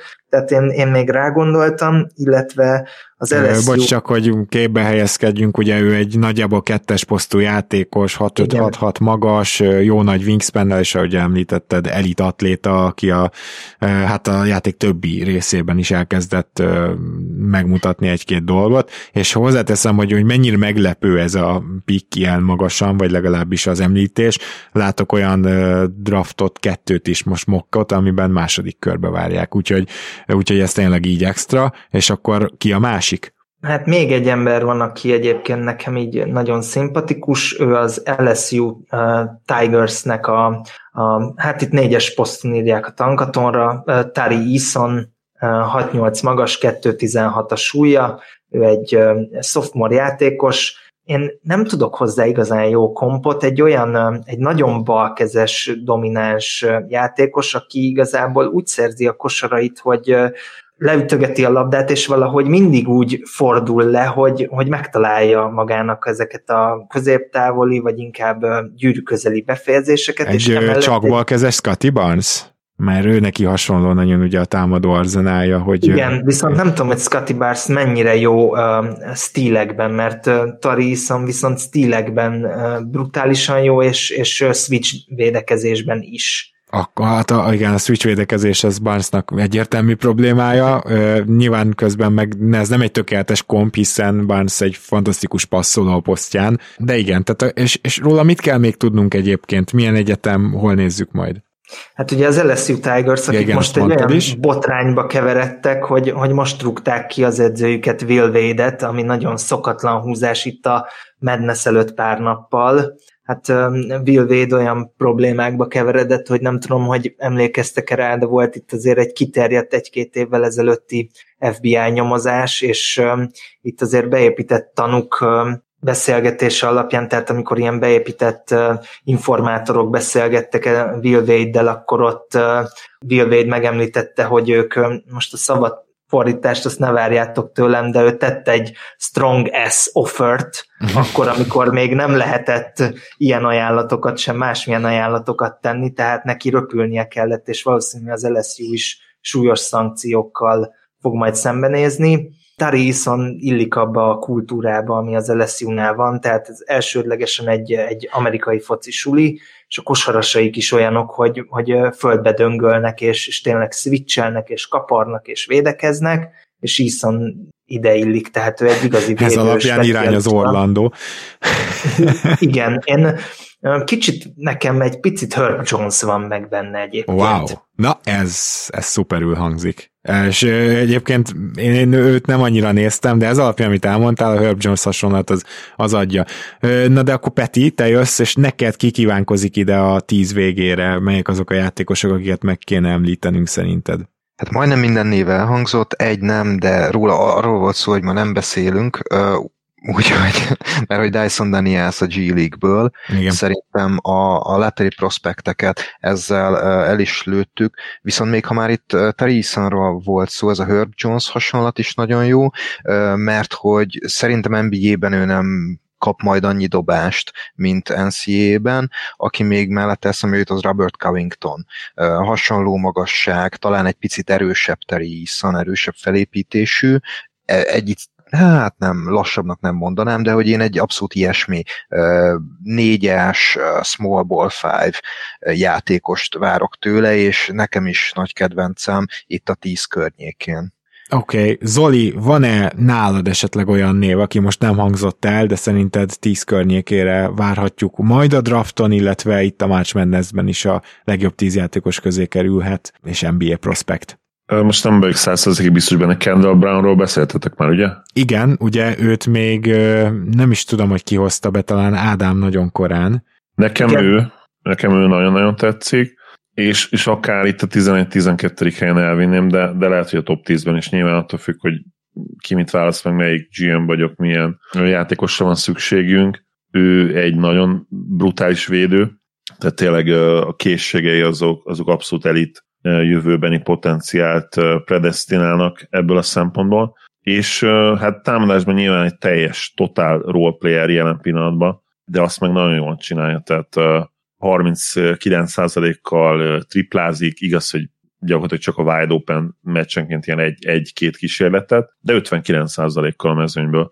És igen, ez a 10 pont, ez semmi gyakorlatilag, még az NCA-ben sem, de, de ő egy nagyon-nagyon érdekes prospekt, úgyhogy rajta mindenképp elgondolkodnék. És hát van, még felírtam magamnak ugye Ocsály Ágbágyit, aki igen, hát, akkor, elég... akkor ez is egy olyan név, ami már ugye elhangzott, és te is jó mélyről, jó mélyről idehoznád, akár bepróbálnád. Van egy-két ilyen nagyon jó tipped általában, ami bejön, a, ami néha a második körösökre is rámutatsz, és a legutóbbi ilyen, az, csak ami... akarom mondani, hogy legutóbbi ilyen találatod, az pont ugye hasonló poszt volt, vagy hasonló alkat, mégpedig eljódoszomnú. Na, örülök neki, mert egyébként én már az, hogy ezeket ugye elfelejtem, úgy kb. az adás másnapján, kiket hova raktam, meg kikről beszéltem. És akit még egy, ugye felírtam magamnak, az John Butler, aki hát egy nagyon érdekes prospekt abból a szempontból, hogy, hogy a magassághoz képest, ami ugye 7 láb egy, nagyon-nagyon mozgékony, igaz, hogy rohadt vékony is, tehát 100 kg alatt van bőven ő is, és ebből a szempontból kicsit Holmgrenre hasonlít meg ami, ami csodálatos, hogy 40, majdnem 40% kal triplázik, ugye 39-el, viszont hát az a gáz, hogy, hogy 44% kal büntetőzik, ami hát felvet bizonyos kérdéseket. Úgyhogy az a, az a 39%-os triplázás, ez nagyon-nagyon jó eséllyel egy, egy hihetetlen fluk. Igaz, hogy ugye 30 egy meccsen játszott idén, és, és azért meccsenként majdnem hármat rámel, de hát basszus, akkor is hogyan büntetőzhet valaki 44%-kal, aki egyébként majdnem három kísérletből 39%-kal triplázik, ez sehogy nem fér a fejembe. Én azt gondolom, hogy itt a játékosokon végigmentünk. És Reagálhatok még egy picit csomagban, bocs, hogy megszakítalak, Gabi. Oké. Okay. Uh, Egyrésztről most, hogyha már Butler előkerült, a Florida State-nek egy nagyon izgalmas fiatal magja van. Itt több kifejezetten nyers és egyébként ígéretes freshman játékossal. Ugye ez az egyetem, ahonnan Scotty Barnes érkezett, ahonnan Jonathan Isaac érkezett, Patrick Williams érkezett, tehát hogy ilyen hosszú kezű wing játékosokat képeznek, és nagyon úgy néz ki, hogy ez a mag ez jövőre lehet esélyes a Madnessre, és a legtöbb szakíró szerint senki nem fog most kijönni a draftra idén. Úgyhogy itt egy egy év tanulás, és akkor jövőre, jövőre eljuthatnak egész messzire. Ágbázsihoz szerettem volna még annyit hozzátenni, hogy, hogy ő abszolút ugyanaz a játékos, vagy ugyanaz a prospekt volt, amikor a Kansasre került, mint a már említett Wiggins, mint a már említett Josh Jackson, tehát az iszonyatos rugókkal rendelkező, hosszú karú, kis wing játékosok. Én most meglepődnék, hogyha jelen helyzetben valaki nem húzná ki a, a láteriben, tehát neki felment elég szépen az értéke szezon közben, illetve hát nála is a, a Madness lesz elképesztően érdekes, hogy itt, itt tud visszazuhanni a, a, a 20 köré, vagy, vagy bebiztosítani a, a helyét a, a láteriben. És még Jalen Duranről nem ejtettem én szót, akit én nagyon szeretek, szerintem vele tényleg meg fogjuk látni azt, hogy, hogy milyen lenne a mai, hogyha a mai ligába érkezne meg Dwight Howard. Én ezt nem érzem túlzónak ezt a comparison csak ugye tényleg itt volt egy, egy íraváltás a ligában, hogy ezek a centerek ma már mm, kevésbé használhatóak. És gyakorlatilag Durennél is megfigyelhető, hogy szezon közben, amikor Penny Hardaway kitalálta, hogy akkor hogyan is használja őt ténylegesen, milyen irányító játék kell ahhoz, hogy ő olyan helyzetekben kapja meg a labdát, ahonnan hatékony tud lenni. Itt volt egy váltás, és az elmúlt hónapjai már sokkal jobban sikerültek, mint a szezon eleje, úgyhogy ő abszolút felfutóban van, de hát az NBA-ben is hiányoznak ezek a pass first irányítók, akik, akik egy centert tudnának tömni.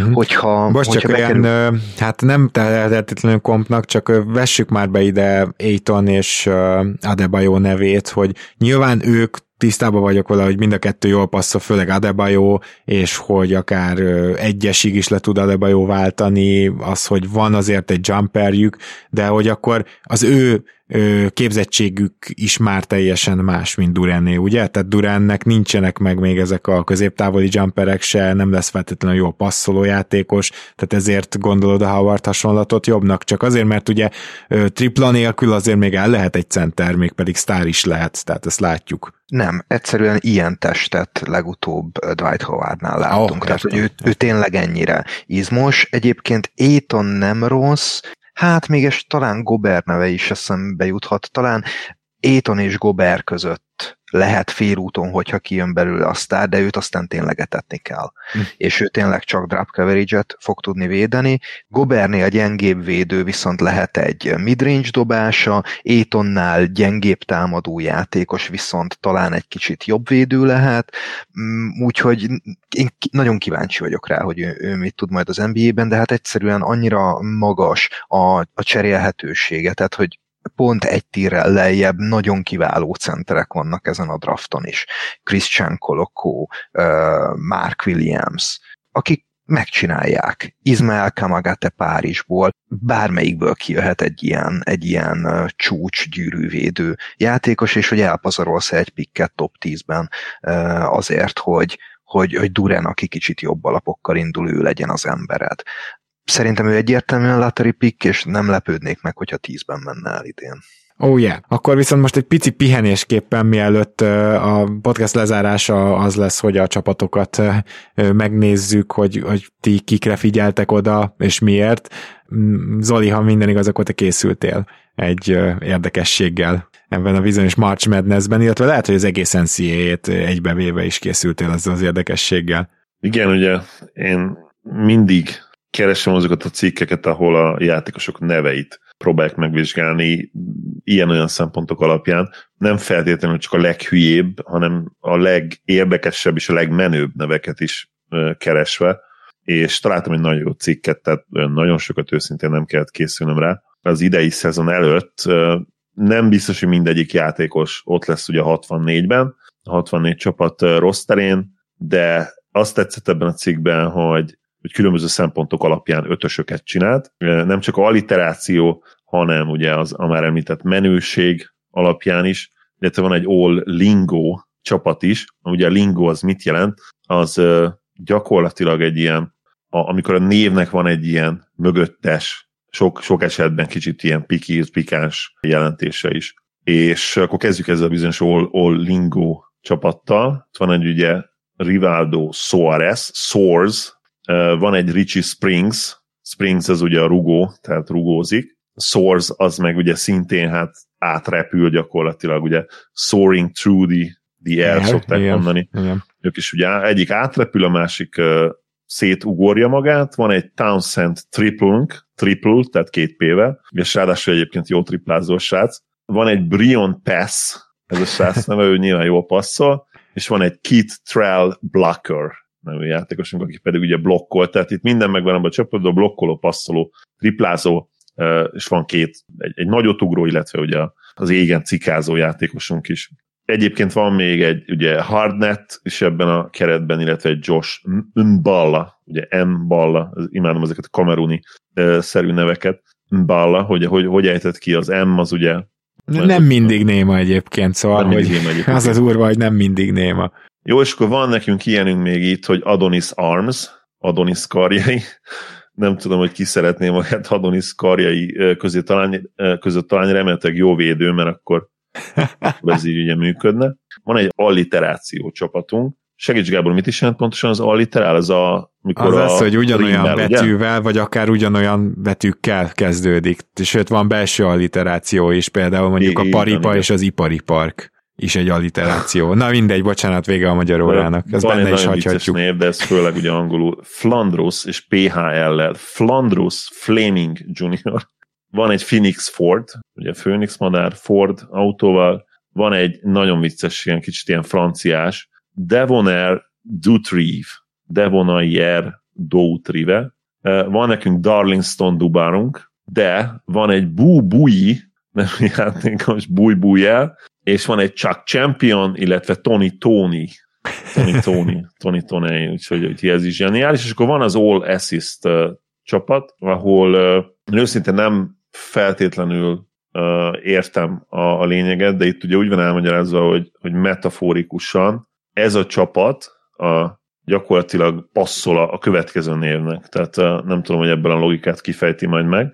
Van itt egy Saint Thomas, Roman Penn, Noble Days, Olivier Maxence Prosper, Chris Cross, az a, volt egy rap duónk, ugye, a 90-es években. Így van, Cross. így van, fiatalok. Igen, van egy Hunter Woods, és egy Churchill Bounce nevű játékos, és van egy nagyon vicces Golden Dyke. Ugye a Dyke az slangben a, hát a leszbikust jelenti. Angolul Golden van egy arany, arany leszbunk, 6 tízes csatár egyébként, és akkor vannak végül a menők, akik tényleg egyébként nagyon-nagyon menő névvel rendelkeznek. Van nekünk egy Aiden McCoolunk, tehát konkrétan bennem nevében a, nevében a srácok, hogy cool. Van egy Kobe Elvis, azért ez, ez elég erős. Igen. Van egy Tyler Perry, aki ugye azt hiszem a rendező miatt lehet érdekes, ugye, mert ugye ő majdnem ugyanaz, ugye a Tyler Perry a híres afroamerikai rendező, aki hát egy laza egy milliárd dolláros vagyonnal rendelkezik. Van egy Nike, tehát keresztneves lesznek Nike Sibande, és van egy Zeke Mayo, Mayo, mint majonéz, Kimo Ferrari, és egy Sir Isaac Heron, aki kicsit hát hajaz a neve Sir Isaac Newtonra, ő Sir Isaac Heron, nagy valószínűséggel egyébként Sir Isaac Newtonról igen, gyanús, hogy itt van, lehet valami. Na, hát a kis rövid kitérő után reméljük, hogy mindenkinek az agya kipihente ezt. Most akkor arra kérnélek lezárásként titeket, és akkor maradunk a sorrendnél, hogy először Ádámot, hogy Beszélj arról az egy-két csapatról, akit kiemelten szeretnél figyelni itt a Madness alatt, és nyilván csinálj egy picit kedvet hozzájuk, mert gondolom, hogy van sok hallgatónk, aki alapvetően nem néz NCAA, de lehet, hogy ilyenkor, vagy pont most becsatlakozna, és akkor, hogyha van egy-egy csapat, aki közel áll ahhoz a kosárlabdához, amit ő szeret, vagy olyan sztárja van, aki közel áll az ő stílusához, akkor így rá tud csatlakozni, úgyhogy ezt figyelemmel kísérve kérlek, hogy egy-két csapatot reklámoz nekünk, Ádám.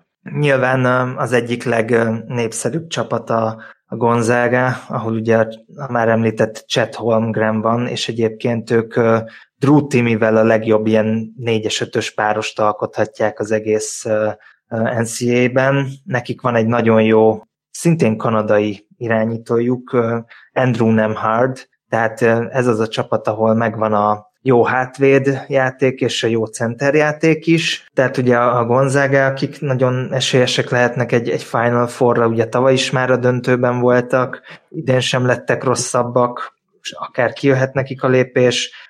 A már említett Arizona, ugye Benedikt Matulinnal és a, a nagyon sok nemzetközi játékossal, svédekkel, litvánokkal, a nagyon jó centervédővel, Kolokóval, ők most ilyen eléggé favorizáltak, sokan várják tőlük, hogy akár meg is nyerjék, ők is első kiemeltek.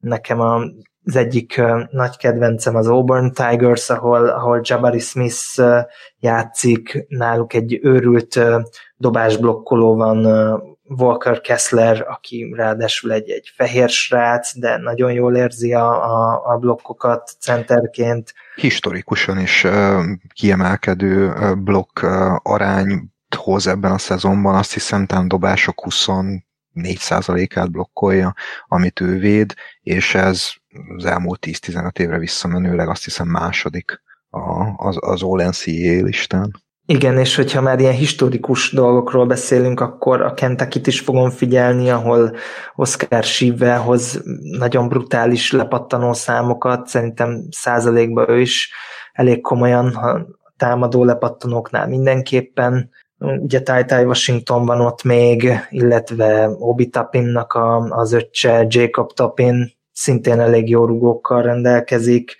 A Kansas nagyon érdekes még nekem, Ocsaják bácsival, a UCLA-t fogom figyelni, akik tavaly óriási meglepetésre jutottak be a Final Four-ba, Johnny Juzengel és Jaime Hakezzel, hogyha már az alliterációkról is szó volt. A, Pur, a Purdue Egyetem Jaden Ivy-val mm, van egy nagyon jó dobó európai játékosuk, Sasha Stefanovic, és van egy két láb, kettő magas centerük, kanadai Zach Eady, illetve aki a padról jön center, Trevian Williams, ők 20-20 percet szoktak játszani, Trevian Williams meg egy, egy igazán jó ilyen center passzoló, ilyen, ilyen uh, Boogie Cousins szintű center passzai vannak, illetve aki még nálam, vagy amelyik csapat nálam Dark Horse contender, az a, az a Texas Tech, aki igazán szereti a rakkolós védekező kosárlabdát, talán, talán még őket tudnám így kiemelni úgyhogy nálam ők, ők a, a lista, és csütörtök délutántól kezdődik a Madness amúgy, csütörtök délután ilyen negyed hat körül, és megy egészen hajnali ötig a, a meccsáradat, több meccs egy időben, úgyhogy én ajánlom mindenkinek, hogy csatlakozzon rá, mert csak szeretni lehet ezt az őrületet. Peti, nálad a lista? Igen, én még a gyúkot szeretném kiemelni, akiknek az is lehetséges, hogy ezen a drafton öt első körös pick fog tőlük érkezni, ugye a Paolo Banquero és A.G. Griffin mellett a már említett Mark Williams, aki egy 6-10 magas másodéves sophomore center, és elképesztő 7 hetes wingspanje van. Ő a klasszikus gyűrűvédő és gyűrűtámadó magasember, abszolút roleplayer, viszont olyan fizikai adottságai vannak, hogy emiatt nagyon sokáig, vagy hát inkább úgy mondom, hogy hosszú NBA karrierje lehet, és stabil kezdőcenter lehet a, világ, a ligában, őt olyan 15-20 környékén, tehát közvetlenül a lottery után várják most a drafton. Wendell Moore van még náluk, aki harmadik évét tölti most a gyúkon, és egy ilyen nagyon magasan jegyzett prospektként érkezett középiskolából. Nála kicsit az a, a probléma, hogy mindenhez ért, de úgy, úgy igazából ez a Master of None típus, ahogy nincs olyan, olyan dolog, amiben igazán elit lenne, talán a wing pass játéka, ami kicsit kiemelkedik. Ő egy izgalmas játékos, beférhet az első körbe, és Trevor Kills is, a 6-4 magas freshman, hát inkább wingnek mondanám őt, Ludort klónnak, Lugensdort klónjának szokták emlegetni, ami szerintem elég jó komp, tehát hogy ennél, ennél nem nagyon lehet jobbat hozzá. Annyi, hogy, hogy Dortot non-shooternek vártuk a drafton, Trevor Kills meg szimplán nem, nem egy jó, vagy nem egy stabil shooter, tehát egy picit magasabbról indul, mint Dort, de egy abszolút hasonló felépítésű játékosról van szó.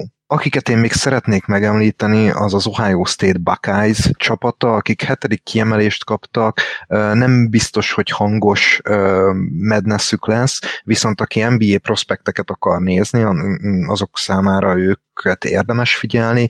Két nagyon izgalmas wingjük is van, AJ Ladell és Malakai Brenham. Ladell ő inkább négyes, egyelőre a tripla az, az még, még, még kérdéses nála. Idén jó számokat hozott, de az, az kérdés, hogy NBA-ben is tudja ezt hozni, de egyébként egy, egy nagyon NCAA szinten nagyon jó játékos, hát ő is az a Big Wing kategória, hiába a 6-7 magasság, erős felépítésű, ügyes játékos. Brenem, mm, ő alacsonyabb, ő 6-5 magas, kicsit fiatalabb is, őt nem is várták, hanem Dam Prospectnek, viszont elég jó szezont hozott, ő egyáltalán nem tud még dobni, de minden más a játékának jó erre az alacsony, védekező, betörő, atlet, hát nem kifejezetten atletikus, de hogy jókat tud ugrani azért ő is. Úgyhogy ő most felkúszott a, a, a bordokra.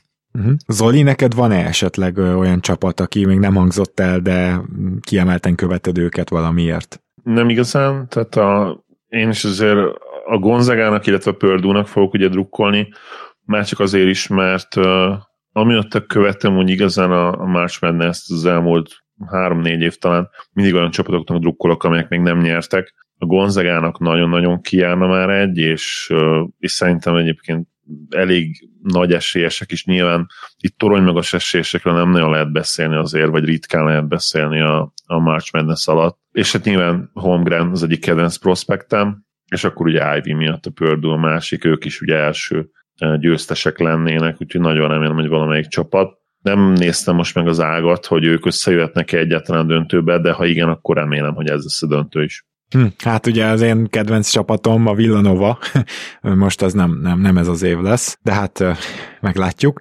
és hát én azt gondolom, hogy akkor így elköszönésképpen mindenképpen kezdjük azzal, hogy egy kis játékot is kieszeltünk a legkitartóbbaknak, akik annyira érdeklődtek, hogy végighallgatták ezt a maratoni adást, azoknak most szeretnénk elmondani, hogy a legjobb nyolcat kell megtippelni, Zoli? Igen, én gondolkodtam közben rajta még így adás alatt is. Legyen az a játék, hogy egyértelműen a legjobb nyolcat kell megtippelni. Ugye a Sweet 16-nek gondolkodtunk, de az megnehezíteni a ti Igen. dolgotokat is, meg a miénket is. Ugye a legjobb nyolcat tippeljétek meg, minden egyes helyes csapat tipp ugye két pontot ér, és emellett szeretnénk, ha a döntőt, de csak a döntőt is megtippelnétek, hogyha azt eltaláljátok, az ugye négy pont, és a döntőhöz már számszerű eredményt is várunk, ugyanis ha valaki eltalálja a döntő két részvevőjét, és a számszerű végeredményt, az gyakorlatilag azonnal nyer. Ez egyfajta Jolly Joker lesz, hiszen nagy valószínűsége nem lesz ilyen, de ha mégis, akkor azt gondolom, hogy megérdemli a nyereményt független attól, hogy egyébként hány, hány csapatot talált el a nyolcból. Mire egyébként ezt uh, meghallgatjátok, ezt a podcastet, valószínűleg már kín lesz egy külön játékposzt is, és ott uh, várjuk majd kommentekbe ezeket a bizonyos megfejtéseket, tehát a top 8-at kell megtippelni, illetve írjatok egy döntő párosítást és egy eredményt, és ez alapján a nyeremény a Rep City-nél három különböző hát egyetemnek a pulóverjéből is választhattok, úgyhogy pulcsit lehet majd nyerni. A Rep City és a mi közös felajánlásunk ez, és hát szerintem mindenképpen megéri, mert ezek a pulcsik azért nem, nem a legolcsóbb kategória, úgyhogy és, és elég, elég jó minőségi cuccokról van szó. Tehát van három egyetemünk, azt hiszem, hogy North Carolina az egyik, abban biztos vagyok, de van még kettő, talán Gonzaga is van, és, és abból lehet majd választani egy pulcsit a nyertesnek, úgyhogy ez a játék, ez még jön, és akkor tudnatok el, nem sok időtök lesz egyébként, az első meccseket, azokat még pont láthatjátok előtte, szóval talán ennyi előny van, de péntek éjfélig várjuk ezeket a tippeket. Egy olyan poszt alá, ami most ebben a pillanatban, amikor ezt hallgatjátok, már kint van, mert ezt már keddeste kiraktuk ezt a nyereményjátékot, és hát akkor Mészáros Péter, Kovács Ádám, külön inkább, Mészáros Péter, nagyon szépen köszönöm, hogy itt voltál ma, és hogy segítettél nekünk eligazodni a March Madness őrült vágtájában. Köszönöm szépen a meghívást, jó volt, hogy ismét Ádámmal közösen, és így négyen beszélhettünk még, hogyha időnként bábeli zűrzavart is teremtettünk, de adásban nekem ez az élmény, amikor egymással ütköztetjük a véleményeket. Na Köszönöm, igen. Sziasztok! Ádám, van Enden Podcast egyébként a Watch Madness után, vagy közben várható? Ezt így akkor tőled kérdezem meg. Egyben köszönöm szépen a részvételedet. Én is nagyon szépen köszönöm a lehetőséget és a meghívást. Hát én most tervezem amúgy, hogy nagyon betárazok energiaitallal és kávéval, és, és legalább egy-két napot végig nyomok, de szokás szerint azt tudom mondani a maroknyi Manendán hallgatóknak, hogy nem ígérhetünk semmit, de Szerintem egy, egy Madness értékelő biztos, hogy lesz, de ha még összejön Petivel megbeszélni, akkor lehet, hogy így, így a Madness közben is egy-egy magunkhoz képes rövidebb adással igyekszünk jelentkezni. Tehát nem négy óra, csak két és fél értjük, igen. Jó, köszi szépen Ádám, köszi mindkettőtöknek, hogy itt voltatok. Én is köszönöm, srácok, és én a magam részéről most várom nagyon a, a mock draft adásunkat nyáron.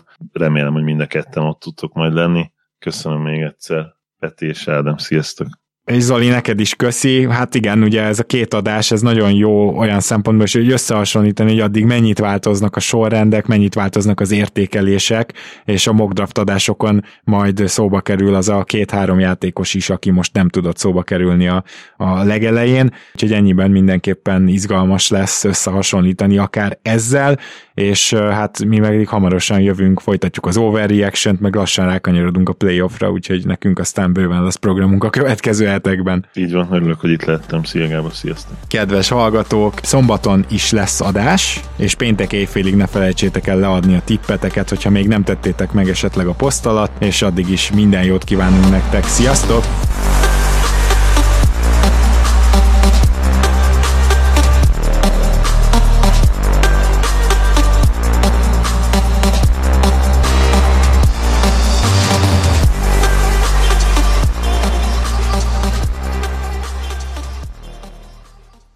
Ha más podcastekre is kíváncsi vagy, hallgassd meg a Béton műsor ajánlóját. El tudod képzelni, hogy a podcastet, amit éppen most hallgattál, fél év múlva már a mesterséges intelligencia generálja? Mi sem. De ha érdekel, eljött már a gépek lázadása. Hallgass bele az Embertelen podcastbe. Orsós Lajos vagyok, a műsor házigazdája. Egyelőre még élőben. Egyelőre. Fedezzük fel együtt, hogyan ismerkedik, randizik, mesél és vitatkozik Betty és Péter, két teljesen mesterséges intelligencia. Lajos, a podcast címét mond még egyszer, Léci. Oké. Okay. Embertelen podcast. Ez a műsor a Béton közösség tagja.